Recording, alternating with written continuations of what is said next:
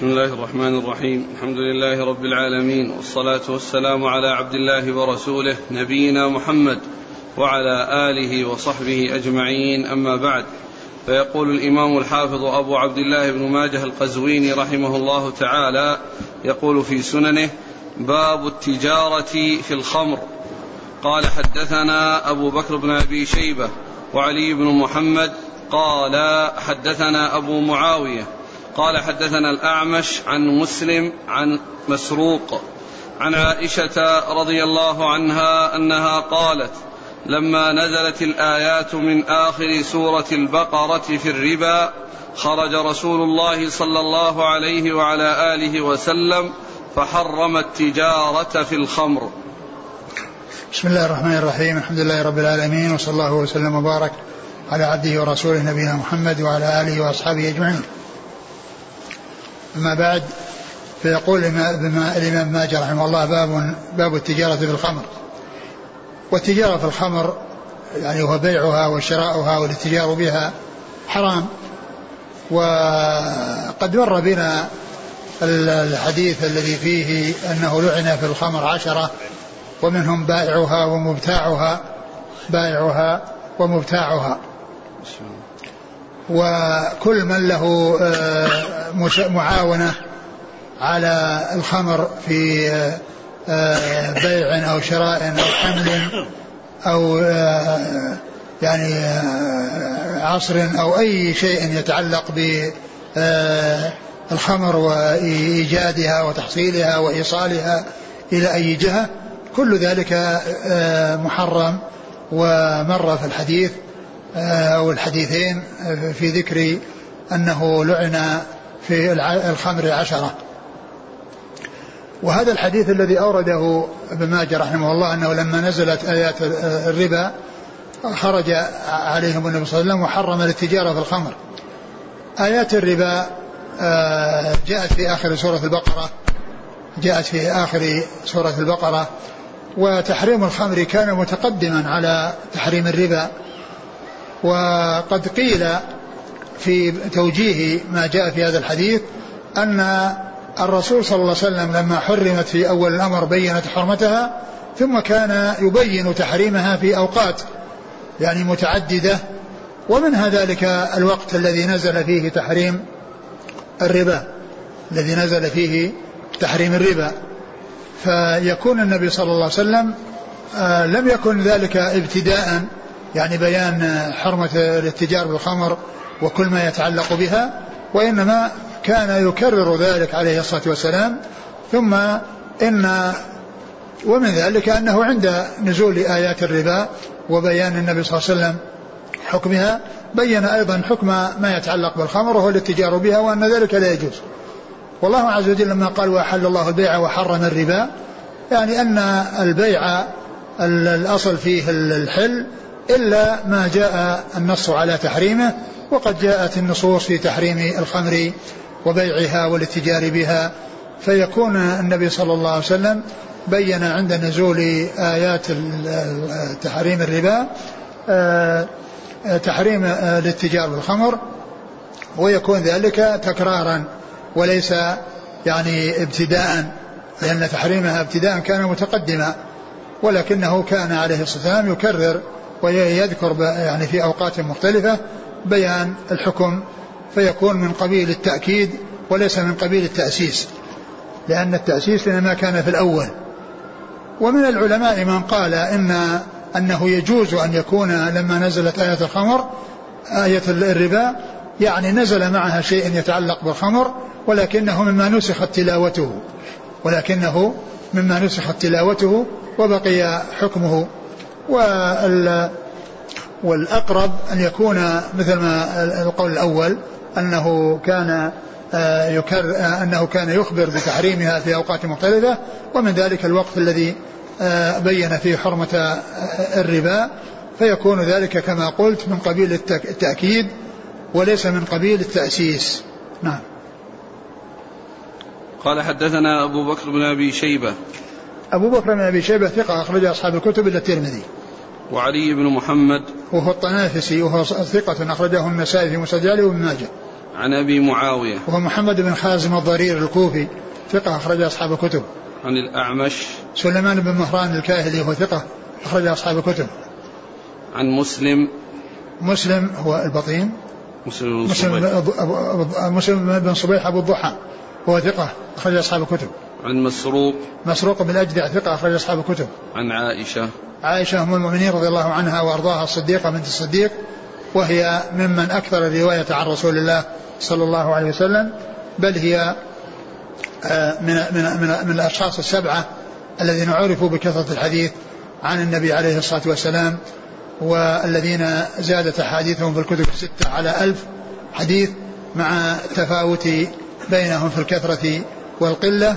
ولكنهم اشتركوا كلهم في الزيادة على آه، رواية ألف حديث أكثر من ألف حديث في الكتب الستة.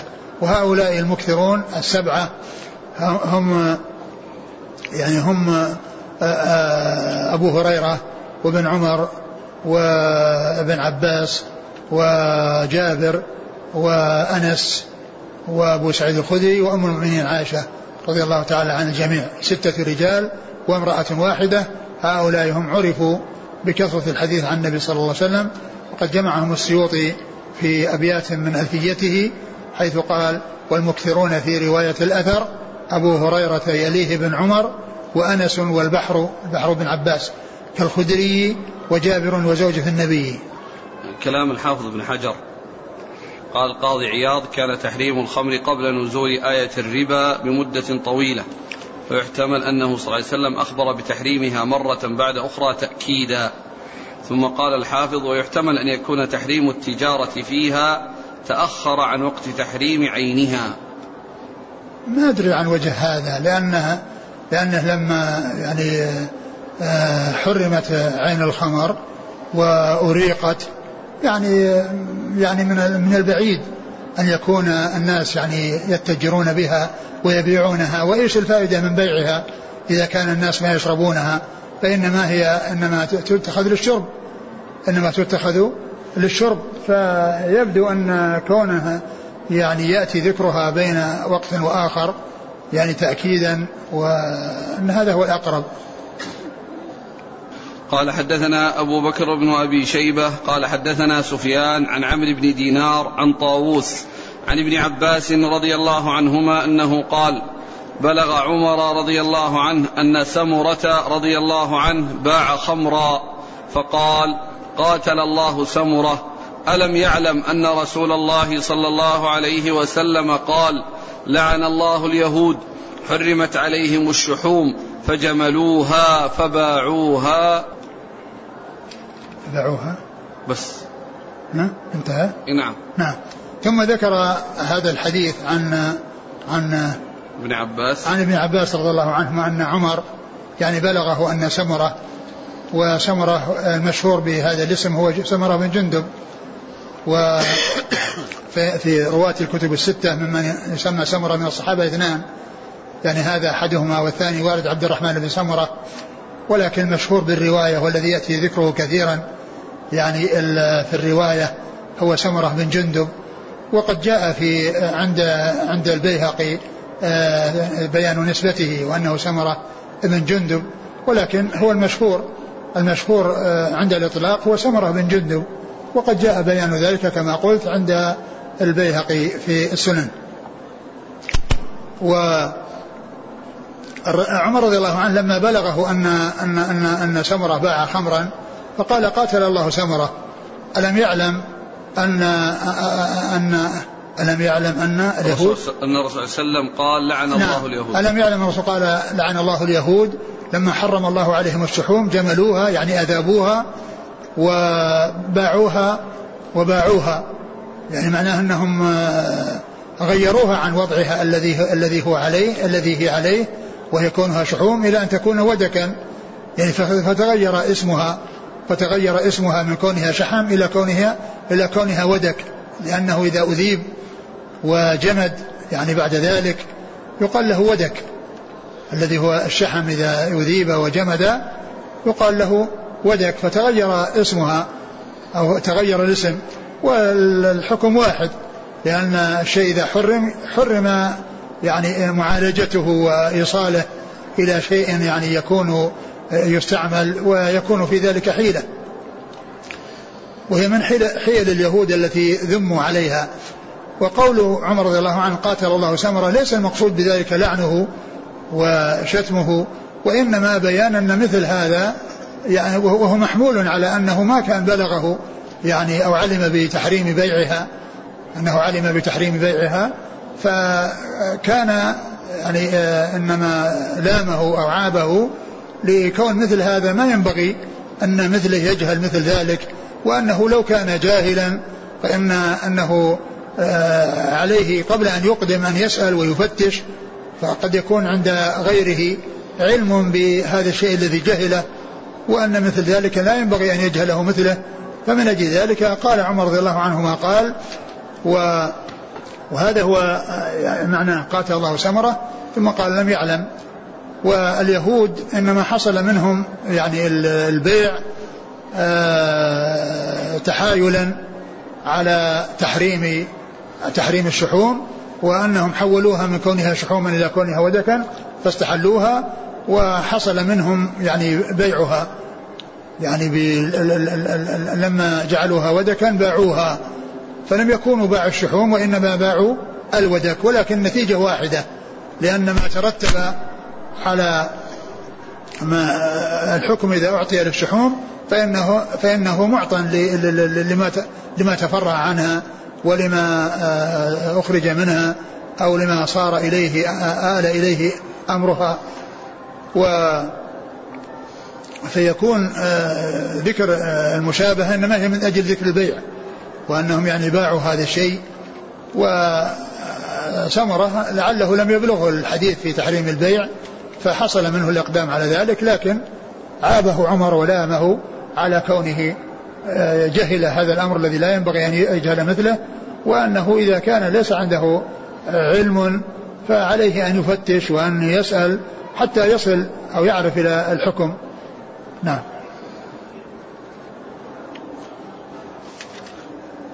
قال حدثنا أبو بكر بن أبي شيبة عن سفيان. سفيان هو ابن عيينة وهو ثقة أخرج أصحاب الكتب. عن عمرو بن دينار. عمرو بن دينار ثقة أخرج أصحاب الكتب. عن طاووس. طاووس بن كيسان ثقة أخرج أصحاب الكتب. عن ابن عباس. عبد الله بن عباس رضي الله عنهما أحد العبادلة الأربعة من الصحابة وأحد السبعة المكثرين من حديث رسول الله صلى الله عليه وسلم. عن عمر. عن عمر الخطاب رضي الله عنه أمير المؤمنين وثاني الخلفاء الراشدين الهادين المهديين صاحب المناقب الجمة والفضائل الكثيرة وحديثه عند أصحاب الكتب الستة.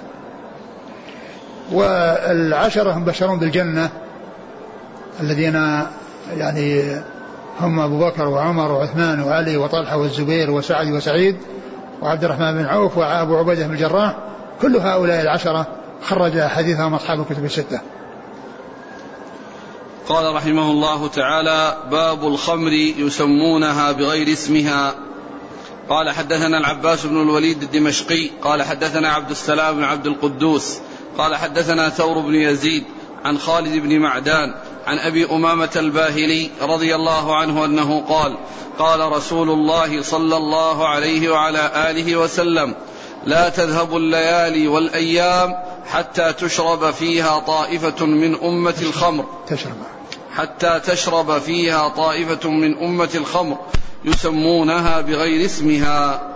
ثم ذكر باب تسميه باب الخمر يسمونها بغير باب اسمها. الخمر يسمونها بغير اسمها. يعني أن الحكم واحد وأن العبرة بالحقائق لا بالأسماء وإنما هي العبرة بالمسميات والحقائق. فالخمر خمر وإن سميت بغير الاسم الذي عرفت به.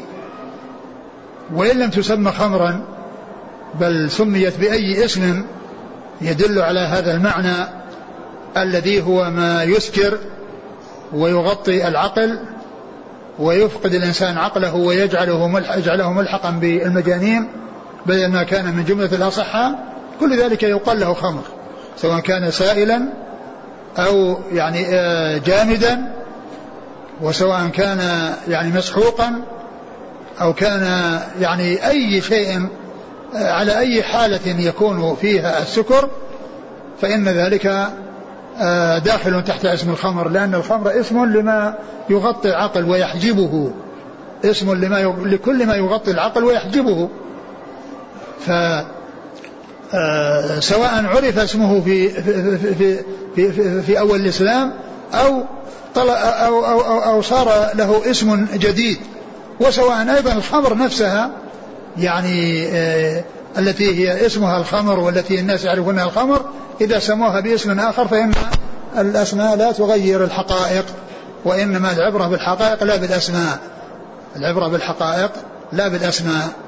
فأورد هذا الحديث قال عليه الصلاة والسلام لا تذهب الليالي والأيام حتى تأتي أو حتى حتى يشرب طائفة من الخمر يسمونها بغير اسمها. لا تذهب الليالي والأيام يعني أن هذا خبر مستقبل. عن أمر مستقبل وأنه سيقع وأنه سيوجد. يعني من يشرب الخمر ويسميها بغير اسمها. وهذا خبر عن أمور مستقبلة. والرسول عليه الصلاة والسلام إذا أخبر عن أمر المستقبل لا بد وأن يوقع لا بد وأن يقع ولا بد وأن يوجد لأنه لا ينطق عن الهوى صلوات الله وسلامه وبركاته عليه. فكل أخبار مستقبلة سواء كانت في في نهاية الدنيا أو قبل نهايتها سواء كانت قريبة من زمانه أو بعيدة من زمانه كل ذلك هو من إخباره بالأمور المغيبة المستقبلة وهو عليه الصلاة والسلام لا ينطق عن الهوى وهو الصادق المصدوق صلوات الله وسلامه وبركاته عليه فيصدق في كل أخبارها أخباره ماضيها ومستقبلها وحاضرها الذي لا يشاهد ولا يعاين. فإذا أخبر عن أمور مضت فإنها قد وقعت طبقا لما أخبر به صلى الله عليه وسلم. وإذا أخبر عن أمور ستقع في المستقبل لا بد وأن تقع طبقا لما أخبر به صلى الله عليه وسلم. وإذا أخبر عن أمور يعني موجودة ولكنها غير مشاهدة لنا فإن الأمر كما أخبر به صلى الله عليه وسلم وقعت وحصلت وإن لم يعني يحصل منا مشاهدة لذلك ومعاينة.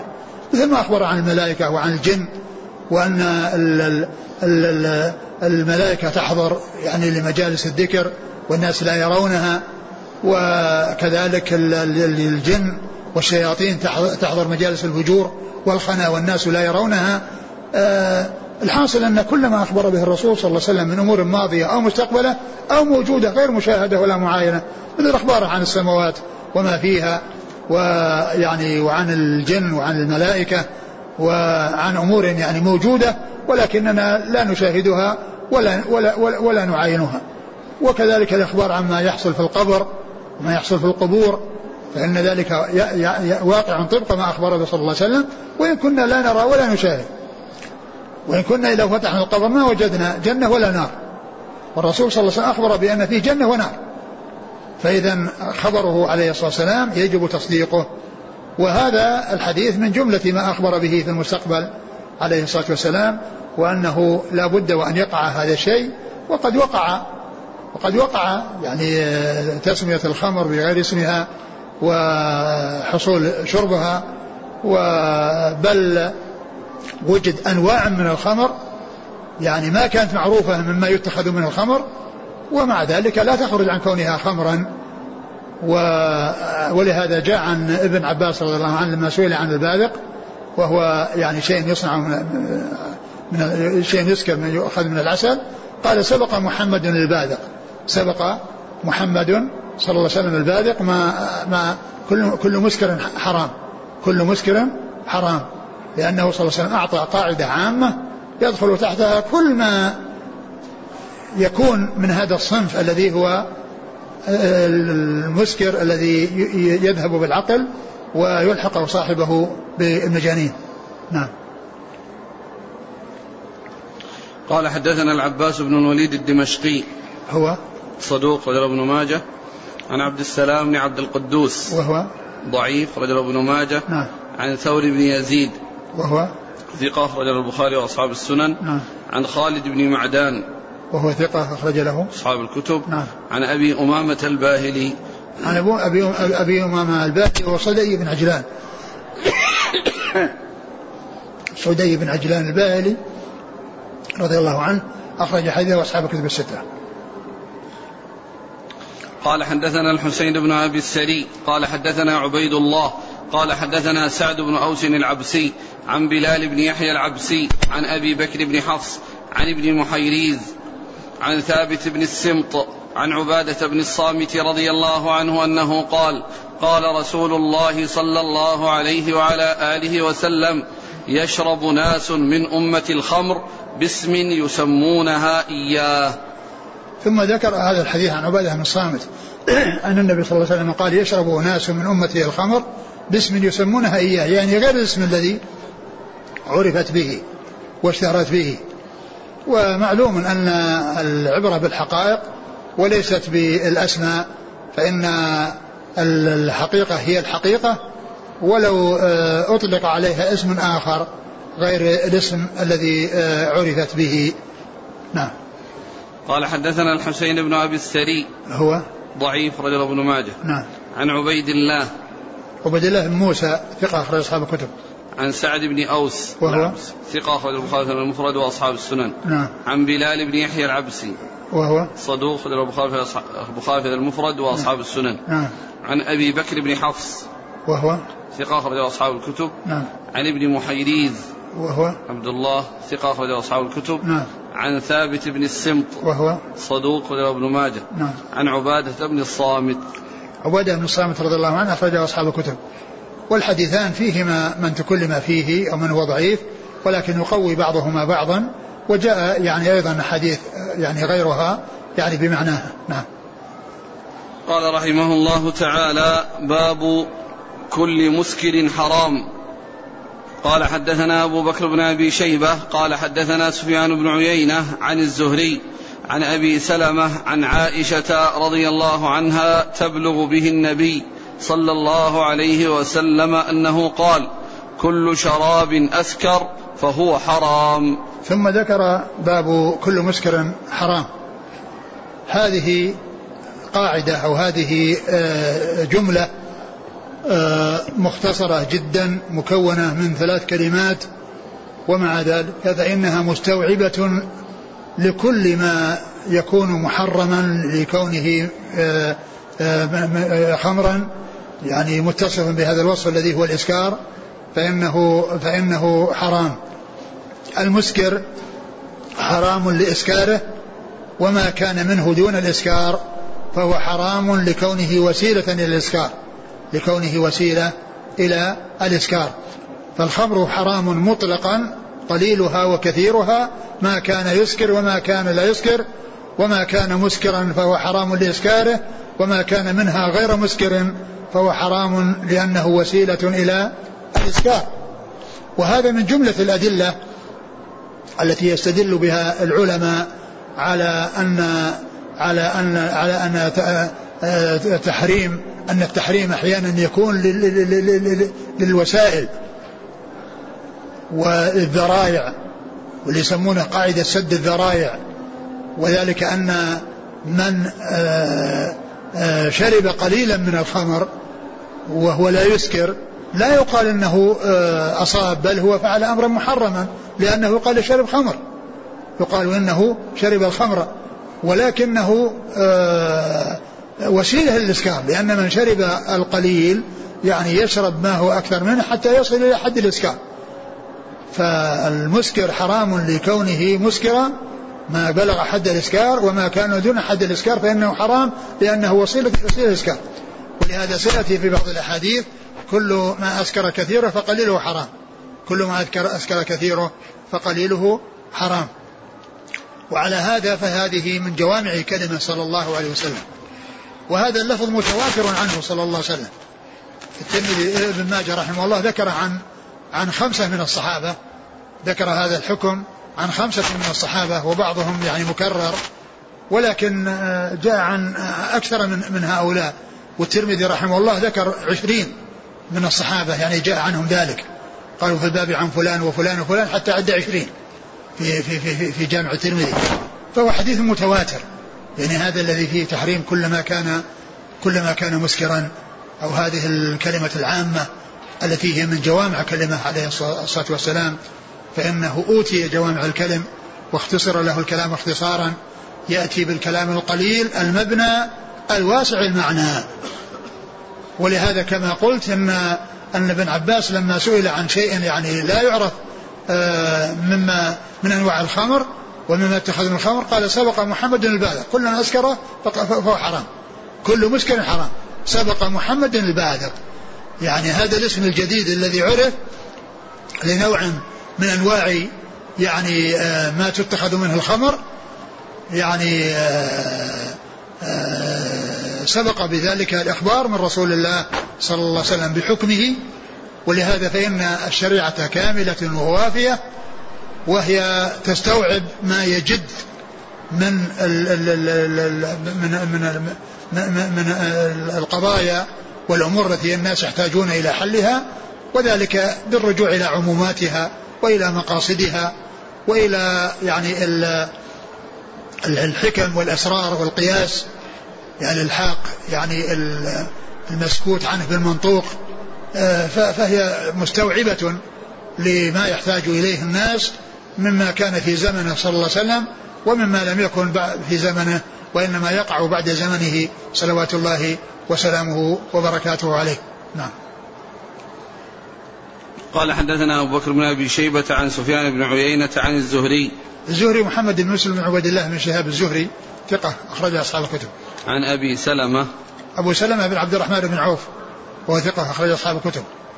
عن عائشة تبلغ به النبي صلى الله عليه وسلم. عن عائشة أم المؤمنين رضي الله عنها وأرضاها وقولها تبلغ به قول الراوي عنها تبلغ به النبي صلى الله عليه وسلم. هذا يعني يعني من معناه أن الصيغة التي عبرت بها ما كانت معروفة.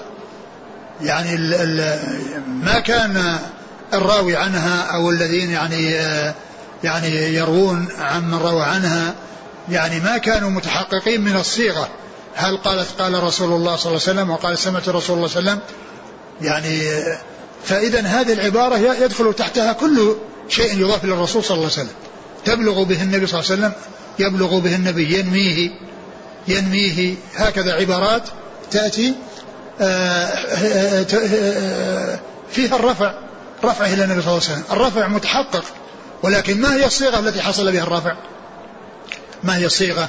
هل قال سمعت أو قال قال هل قالت عائشة سمعت رسول الله صلى الله عليه وسلم؟ أو قالت قال قال رسول الله أو عن رسول الله صلى الله عليه وسلم كذا؟ يعني الصيغة غير محددة. وأما الرفع فهو محقق لأن قولها تبلغ به النبي صلى الله عليه وسلم يعني مرفوع ترفعه إلى رسول الله صلى الله عليه وسلم. لكن كيف رفعته؟ بأي صيغة؟ هذا هو الذي لا يعني لم يجزم به ولكن أتي بشيء يدل عليه. يدل عليه ومعلوم أن كل ما يضاف إلى الرسول صلى الله عليه وسلم سواء بسمعته أو بقال أو بعن كل ذلك مرفوع إلى رسول الله صلوات الله وسلامه وبركاته عليه. نعم.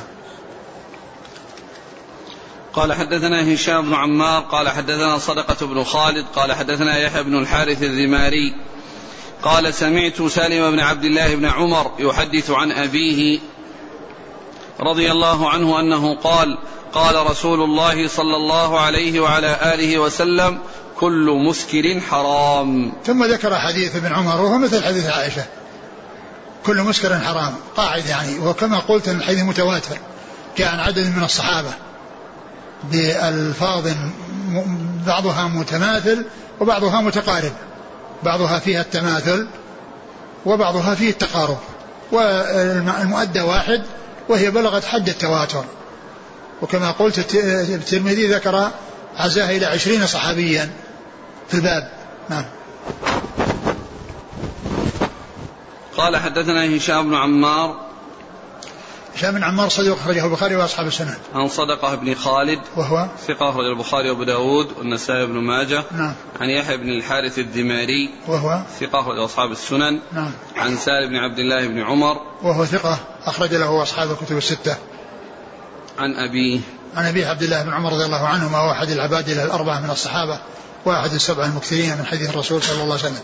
وسالم بن عبد الله هذا مع أبي سلمة بن عبد الرحمن بن عوف الذي مر قبل هذا ومعهم آه، آه، أبو بكر أبو بكر بن عبد بن الحارث بن هشام أبو بكر بن آه، أبو بكر بن الحارث بن هشام هؤلاء الثلاثة قيل فيهم أن أي واحد منهم قيل في كل واحد منهم أنه سادس الفقهاء السبعة في المدينة.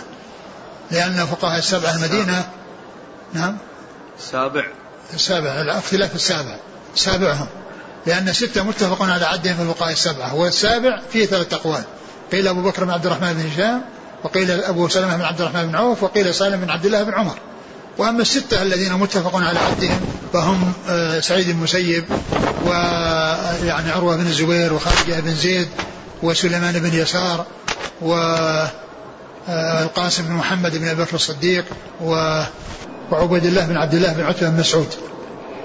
والسادس السابع إما قيل سلم, سلم بن عبد الله الذي معنا في الإسناد وقيل أبو سلمة عبد الرحمن بن عوف الذي مر وقيل أبو بكر بن عبد الرحمن بن الحارث بن هشام.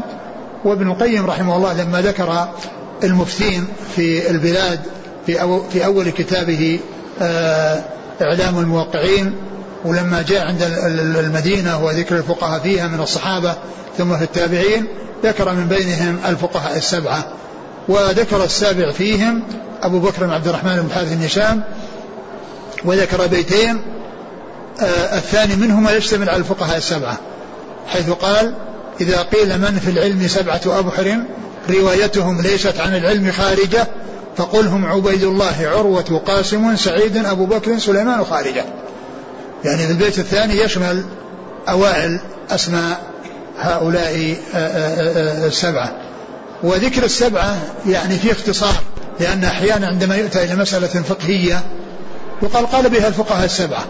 يغني عن سرد سردهم كما قالوا في زكاة العروض. قال وقال بها الفقهاء السبعة. عندما يأتون في بعض المسائل مثل زكاة العروض يقولون وقال بها الفقهاء السبعة. فكلمة الفقهاء السبعة أغنت عن ذكر أسمائهم. عن أسماء هؤلاء السبعة كان يعني في ذلك الاختصار وقد اشتهروا بهذا اللقب. نعم.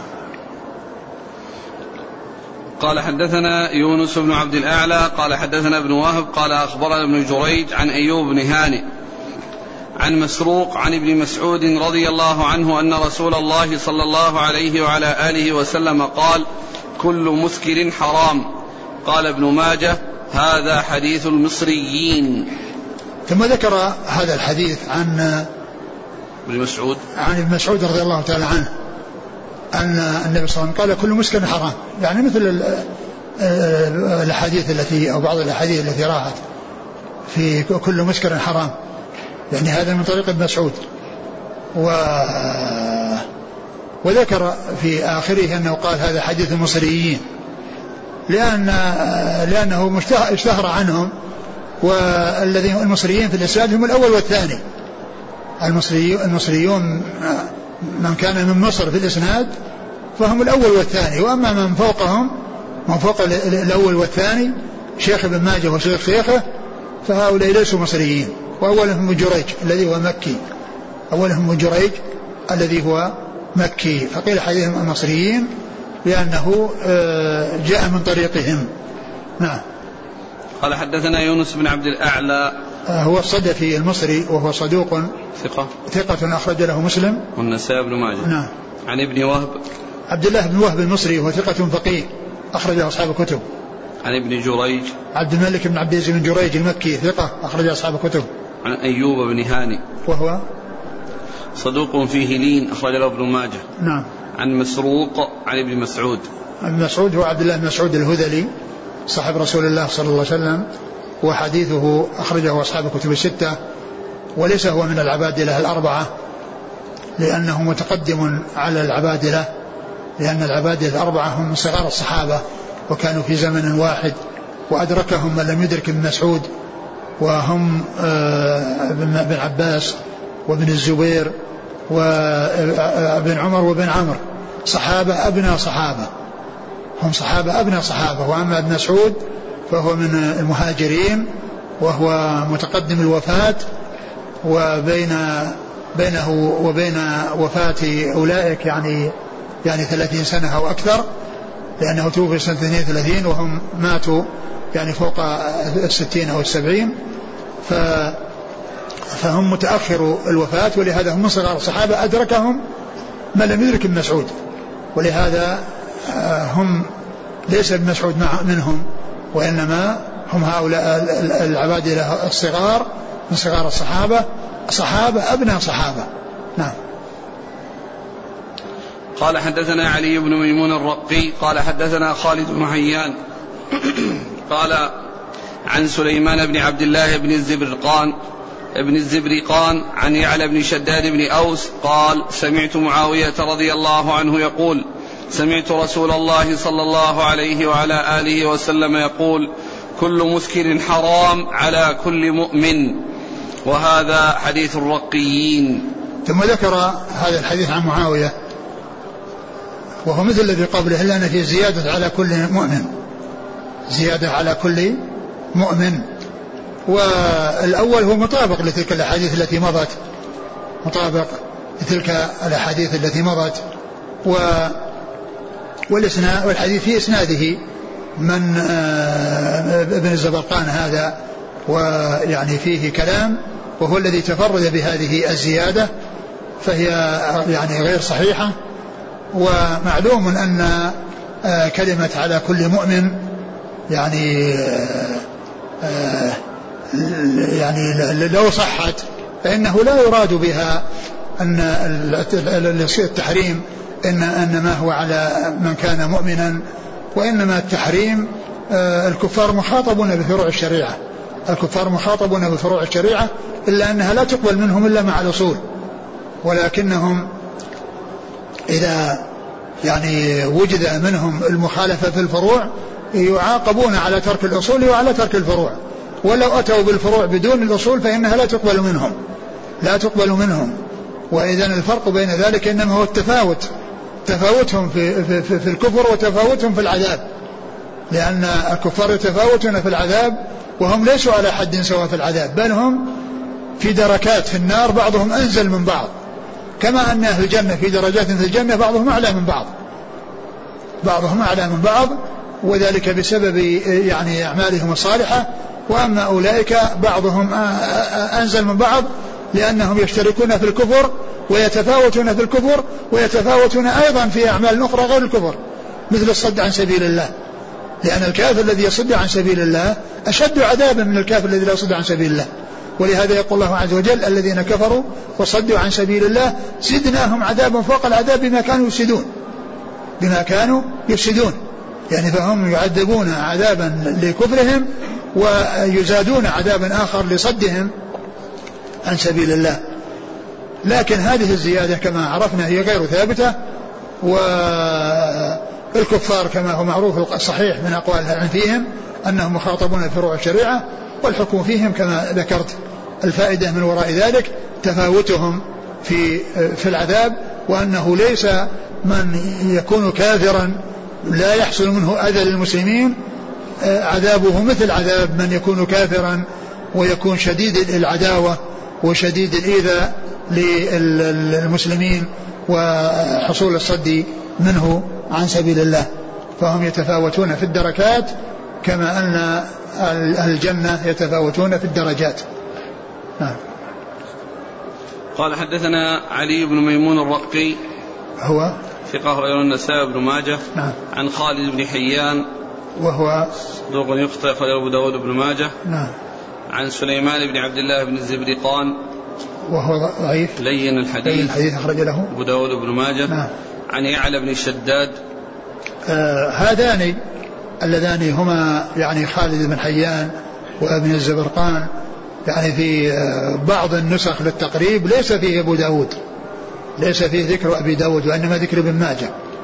وصحيح أن أبا داود قد روى روى له ومن وقد جاء ذكرهما في حديث عند أبي داود رقمه 1111 عند أبي داود رقمه 1111 فيه خالد بن حيان وفيه ابن الزبرقان هذا. فهو من رجال أبي داود كما أنه من رجال ابن ماجه. وبعض النسخ للتقريب ليس فيها إلا ابن ماجه مع أنه من رجال أبي داود وهو وهما جميعا موجودان في الإسناد رقم 1111 نعم. أن يعلى يعلى بن شداد بن أوس. هو؟ صدوق أبو داود بن ماجه. نعم. عن معاوية.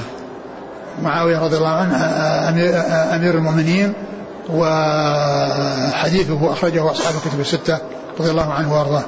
الأول, الأول من هو؟ الشيخ ابن ماجه. آه علي بن ميمون الرقي. روى له من؟ النسائي وابن ماجه. النسائي وابن ماجه. نعم. يعني اللي بعده يعني الثلاثة الذين بعده روى لهم أبو داود بن ماجه. الثلاثة الذين فوقه روى لهم أبو داود بن ماجه. نعم. قال وهذا حديث الرقيين. قال وهذا حديث الرقيين لأن الاثنين اللي في الأول رقيين. مثل ما أن الاثنين اللي قبله مصريين. يعني أنه عرف عن هؤلاء الرقيين هذا الحديث وذاك عرف عن آه، المصريين. نعم. قال حدثنا سهل قال حدثنا يزيد بن هارون عن محمد بن عمرو بن علقمة عن أبي سلمة عن ابن عمر رضي الله عنهما أنه قال قال رسول الله صلى الله عليه وسلم كل مسكر خمر وكل خمر حرام. ثم ذكر هذا الحديث عن ابن عمر رضي الله عنهما أن النبي صلى الله عليه وسلم قال كل مسكر خمر وكل خمر حرام. كل مسكر هو خمر. بل الخمر تقع على المسكر وغير المسكر مما يقال له خمر لأنها يعني أوسع من الإسكار وكل ذلك حرام. يعني المسكر وغير المسكر مما يطلق عليه خمر لكن ما كان مسكرا فإنه خمر لأنه يغطي العقل لأنه يغطي العقل بالفعل بالإسكار. أما ما كان لا يغطي العقل ولكنه وسيلة إلى ما يغطي العقل الذي هو القليل الذي لا يسكر فإن حكمه حكم المسكر بأنه يجب آه، آه، الابتعاد عنه ويجب آه، اجتنابه لأنه وسيلة إلى المسكر. وقاعدة سد الذرائع هذه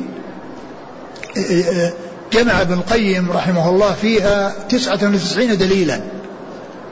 يعني أورد أدلة سد الذرائع والوسائل التي حرمت من أجل أنها تؤدي إلى غاية محرمة ذكر تسعة وتسعين دليلا.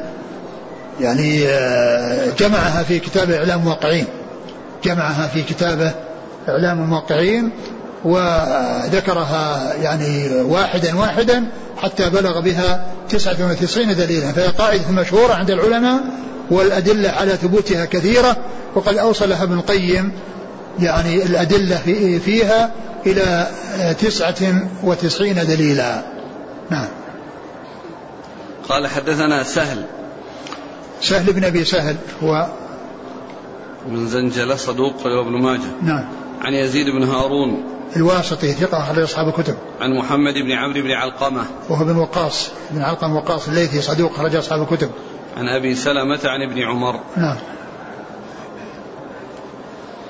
قال حدثنا محمد بن بشار قال حدثنا أبو داود قال حدثنا شعبة عن سعيد بن أبي بردة عن أبيه عن أبي موسى رضي الله عنه أنه قال قال رسول الله صلى الله عليه وسلم كل مسكر حرام. ثم ذكر حديث ابن موسى وهو بألفاظ ما تقدم حيث قال كل مسكر حرام. نعم. قال حدثنا محمد بن بشار. محمد بن بشار ملقب بن دار. وهو ثقة أخرج أصحاب الكتب بل هو شيخ لأصحاب الكتب الستة عن أبي داود أبو داود هو الطيالسي سليمان بن داود الطيالسي ثقة أخرجه البخاري تعليقا مسلم وأصحاب السنن عن شعبة شعبة بن الحجاج الواسطي ثقة أخرج أصحاب الكتب. عن سعيد بن أبي بردة وهو ثقة أخرج له أصحاب الكتب. نعم. عن أبيه عن عن أبيه أبو بردة بن أبي موسى وهو ثقة أخرج أصحاب الكتب. عن أبي موسى. عن أبي موسى وهو عبد الله بن قيس الأشعري رضي الله عنه. أخرج حديثه أصحاب الكتب الستة. قال رحمه الله تعالى باب ما أسكر كثيره فقليله حرام. قال حدثنا إبراهيم بن المنذر الحزامي. قال حدثنا أبو يحيى زكريا بن منظور عن أبي حازم عن عبد الله بن عمر رضي الله عنهما أنه قال قال رسول الله صلى الله عليه وسلم كل مسكر حرام وما أسكر كثيره فقليله حرام. ثم ذكر باب ما أسكر كثيره فقليله حرام. حرام. ما أسكر كثيره فقليله حرام. يعني أن الحكم ليس مقصورا على الإسكار وأن الإنسان يمكن أن يشرب من الخمر ما لا يصل إلى حد الإسكار. فالخمر لا يجوز شربها أبدا لا قليل ولا كثير. الكثير لإسكاره والقليل لكونه وسيلة للإسكار. ولا يجوز تناولها بأي حال من الأحوال إلا إذا كان الإنسان يعني حصل عنده غصة يعني حصل يعني يأكل وحصل غص وليس عنده شيء يدفع به يعني ذلك فله أن يدفع لإنقاذ النفس ول يعني التخلص يعني من من من الضرر الشديد الذي يحصل بسبب يعني هذا هذه الغصة. فإذا استعمل يعني جرعة أو شيء يعني يدفع هذا فإن ذلك سائر. هذا مثل أكل الميتة عند الحاجة. مثل أكل الميتة عند الحاجة. فإنها حرام ولكن كون الإنسان يأكل يعني آه، عندما لا يجد إلا الميتة ونفسه معرضة للهلاك فإن المضطر يجوز له يعني آه، يدفع الضرر عن نفسه وأن يعمل على الخلاص من الهلاك. يعني بما يندفع به بما يندفع به ذلك. فكذلك الخمر. لا يجوز تعطيها ابدا. لا قليلها ولا كثيرها. الكثير لكونه مسكر والقليل لكونه وسيلة إلى الإسكار. والقليل لكونه وسيلة إلى الإسكار. وقد نعم. وقد أورد حديث. حديث ابن عمر كل حديث. مسكر حرام. كل مسكر حرام. هذا مطابق لما تقدم من العبارات التي فيها بيان أن كل مسكر حرام. وأضاف إليه وما أسكر كثيرا فقليله حرام يعني هذا يعني زيادة إيضاح وبيان وإلا فإن قوله كل مسكر حرام يعني نفسه يدل على تحريم الإسكار وعلى أيضا تعاطي الشيء الذي يؤدي إلى الإسكار. لكن هذا نص بالإضافة إلى تحريم الإسكار أتى بشيء يدل على أن ما أسكر كثيره فقليله حرام. الكثير للإسكار والقليل لكونه وسيلة إلى الإسكار. قال حدثنا إبراهيم بن المنذر الحزامي. هو؟ صدوق في البخاري والترمذي والنسائي بن ماجه. نعم. عن أبي يحيى زكريا بن منظور. وهو؟ ضعيف رجل ابن ماجه. نعم. عن أبي حازم عن عبد الله بن عمر. أبو حازم هو؟ سلمة بن دينار. نعم. ثقة أخرج أصحاب الكتب. عن ابن عمر. نعم.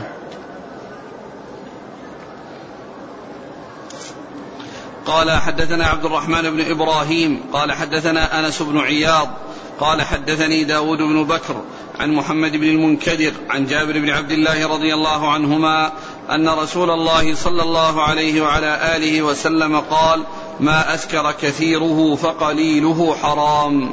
ثم ذكر هذا الحديث عن جابر رضي الله عنه أن النبي صلى الله عليه وسلم قال ما أسكر كثيره فقليله حرام. هذا مثل الجملة التي ذهبت التي مرت في آخر الحديث السابق.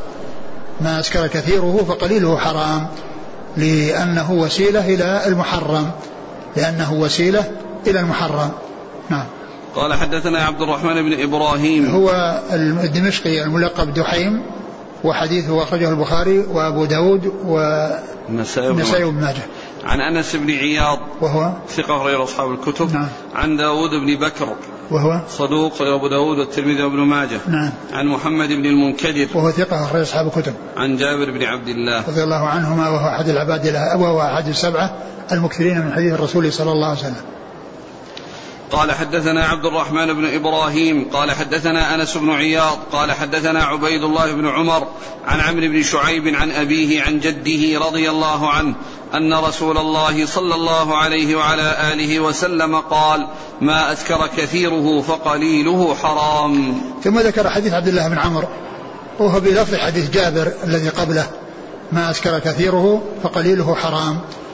و آه هذا لأنه وسيلة وهذا لأنه غاية. المسكر لأنه غاية وهذا لأنه وسيلة إلى تلك الغاية المحرمة. فلا يجوز لا هذا ولا هذا. نعم.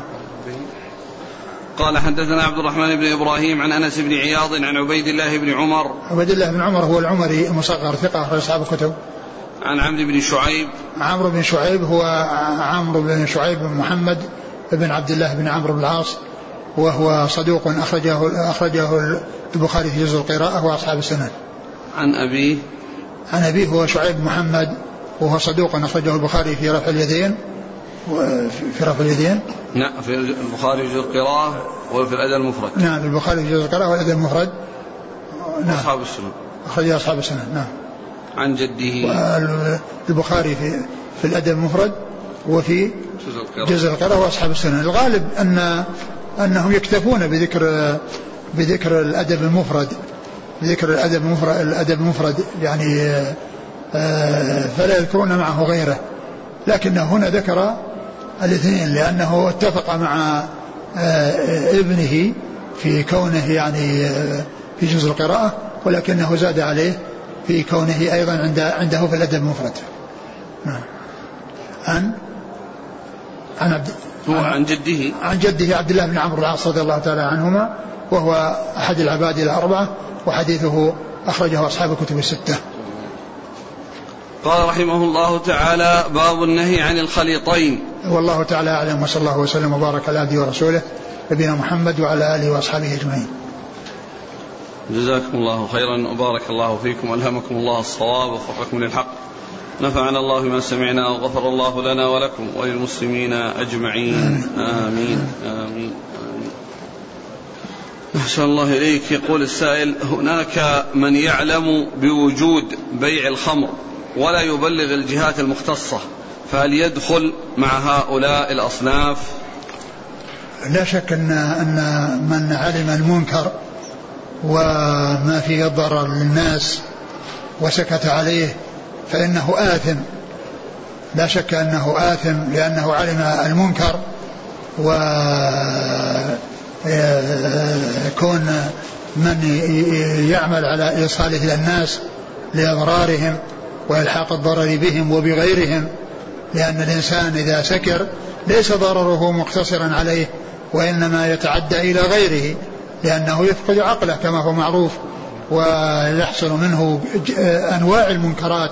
كالقتل وكالزنا وقد يكون ذلك بالمحارم وبأصناف الأمور المحرمة. وقد مر في أول الدرس الماضي أن أن أن الخمر مفتاح كل شر وأنها تؤدي إلى كل شر وكذلك أيضا هي أم الخبائث لأنها تؤدي إلى الخبائث. فمن علم ببيع الخمر أو بصناعة الخمر فيجب عليه أن يبلغ الجهة المسؤولة التي تمنع من مثل آه، هذا الفساد وهذا الضرر الذي يلحق بالناس بكونهم يتعاطون أو يصل إليهم شيء يفقدون به عقولهم ويلحقون الضرر بأنفسهم وبغيرهم. هذا من التعاون على الإثم والعدوان. كل إنسان يسكت وهو علم بهذا الأمر محرم نعم. يقول ما حكم الصلاة في مسجد شارك في بنائه بائع خمر؟ لا بأس تصح الصلاة. أقول الصلاة تصح بهذا لكن المساجد ينبغي أن تكون من مال طيب أن تكون من مال حلال وأن تكون من مال طيب. ولكن إذا وجد أنه حصل يعني فيها مشاركة من أحد يعني ماله حرام أو أو فيه شبهة حرام فإن الصلاة فيه صحيحة. مثل الصلاة في الأرض المغصوبة. مثل الصلاة في الأرض المغصوبة. يعني تصح الصلاة. والذي غصبه هو الذي يأثم جاءت أسئلة في وجود يعني النسبة من هذه الخمر أو ما يسكر في بعض الأدوية. فما حكم استعمال؟ ما ندري ما ندري عن صحة يعني ما يقال. لكنه إذا كان يعني شيء يسير جدا يعني مغمور فالأمر في ذلك واسع. لكن ما ندري عن ما لأنه أحيانا يعني آه، تأتي أقوال لا يدرى عن صحتها. وبعض الناس آه، قد يعني يشوش على بعض بذكر شيء من ذلك. لكنه إن وجد وكان يسيرا جدا يعني من هذا النوع الذي آه، يعني الذي هو فيه المحذور فإن فإن ذلك لا يؤثر على الدواء. هذا يسأل يقول انتشر وإذا وجد يعني شيء سليم من هذا دواء سليم وهو يؤدي نفس المفعول فلا شك دع ما يريبك إلى ما لا يريبك. يقول انتشر في بعض البلاد الإسلامية ما يسمى بماء الشعير شراب الشعير من المشروبات. ويقول ليس فيه ما يسكر لكن مثل هذا الاسم موجود في بلاد أخرى وهو مسكر فهل يجوز شربه؟ عدد من الأسئلة الشيء الذي لا يسكر آه، يجوز شربه لأن النبي صلى الله عليه وسلم لما حرم آه، في أول الأمر الانتباد في أوعية معينة كالدبة والحنتم والنقير والمزفت حرم في الأول آه، استعمالها استعمالها لأن الخمر تتحول النبيذ فيها إلى كونه خمر دون أن يظهر ذلك على سطحها وعلى على ظاهرها. فقد يقع الناس فيه وقد أسكر. فحرم ذلك لئلا يشربوا شيئا مسكرا.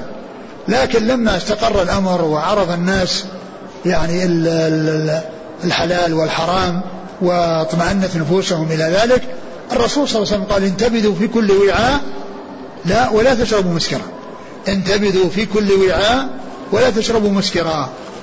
كنت نهيتكم عن الانتباذ في أوعية فانتبذوا في كل وعاء ولا تشربوا مسكرا. فالرسول صلى الله عليه وسلم بين أن الحكم مناط بالذي يسكر كثيرا. ما كان أسكر منه الكثير فقليل والكثير حرام. أما إذا كان الكثير لا يسكر فإنه حلال. لكنه إذا كان في شبهة يعني آه، أنه يعني أنه يسكر سيما إذا كان يعني في بلد يعني آه، آه، يصل فيه إلى حد الإسكار فإن الذي يسكر لا يجوز تعاطيه والذي يسكر والذي لا يسكر هو الذي يجوز تعاطيه. وإذا كان في بلد فيه شيء يسكر وشيء لا يسكر نعم يجتنب حتى لا يقع الناس في في الأمر المحرم. إلا إذا تحقق يعني سلامته وأنه ليس من قبيل المسكر فإن الحكم منوط بالإسكار يعني الكثير. أما ما أسكر كثيرا فقليل حرام. لكن الكثير الذي لا يسكر شرب الكثير منه ولا يسكر هذا مباح. انتبذوا في كل وعاء ولا تشربوا مسكرا. الأحاديث جمع فيها بين الناسخ والمنسوخ كنت نهيتكم عن زيارة القبور فزوروها وكنت نهيتكم عن ادخال لحوم الأضاحي فوق ثلاثة لا فادخروا وكنت نهيتكم عن انتباه في أوعية فانتبذوا في كل وعاء ولا تشربوا مسكرا. يقول هل يدخل في تحريم المسكر أي نوع من الاستعمال؟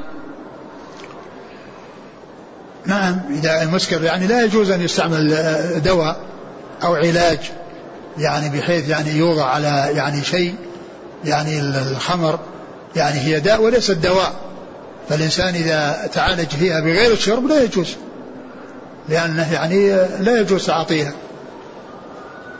الأسئلة جاءت عن الكحول سواء كانت في العطر أو استخدامها مثلا في بعض المطهرات. نعم الكحول هذه الكحول إذا كانت في الأطياب وفي الطيب فالإنسان يبتعد عنها. والطيب الطيب كثير الطيب الطيب كثير فالإنسان يترك الطيب السيء. الخبيث ويستعمل الطيب الطيب.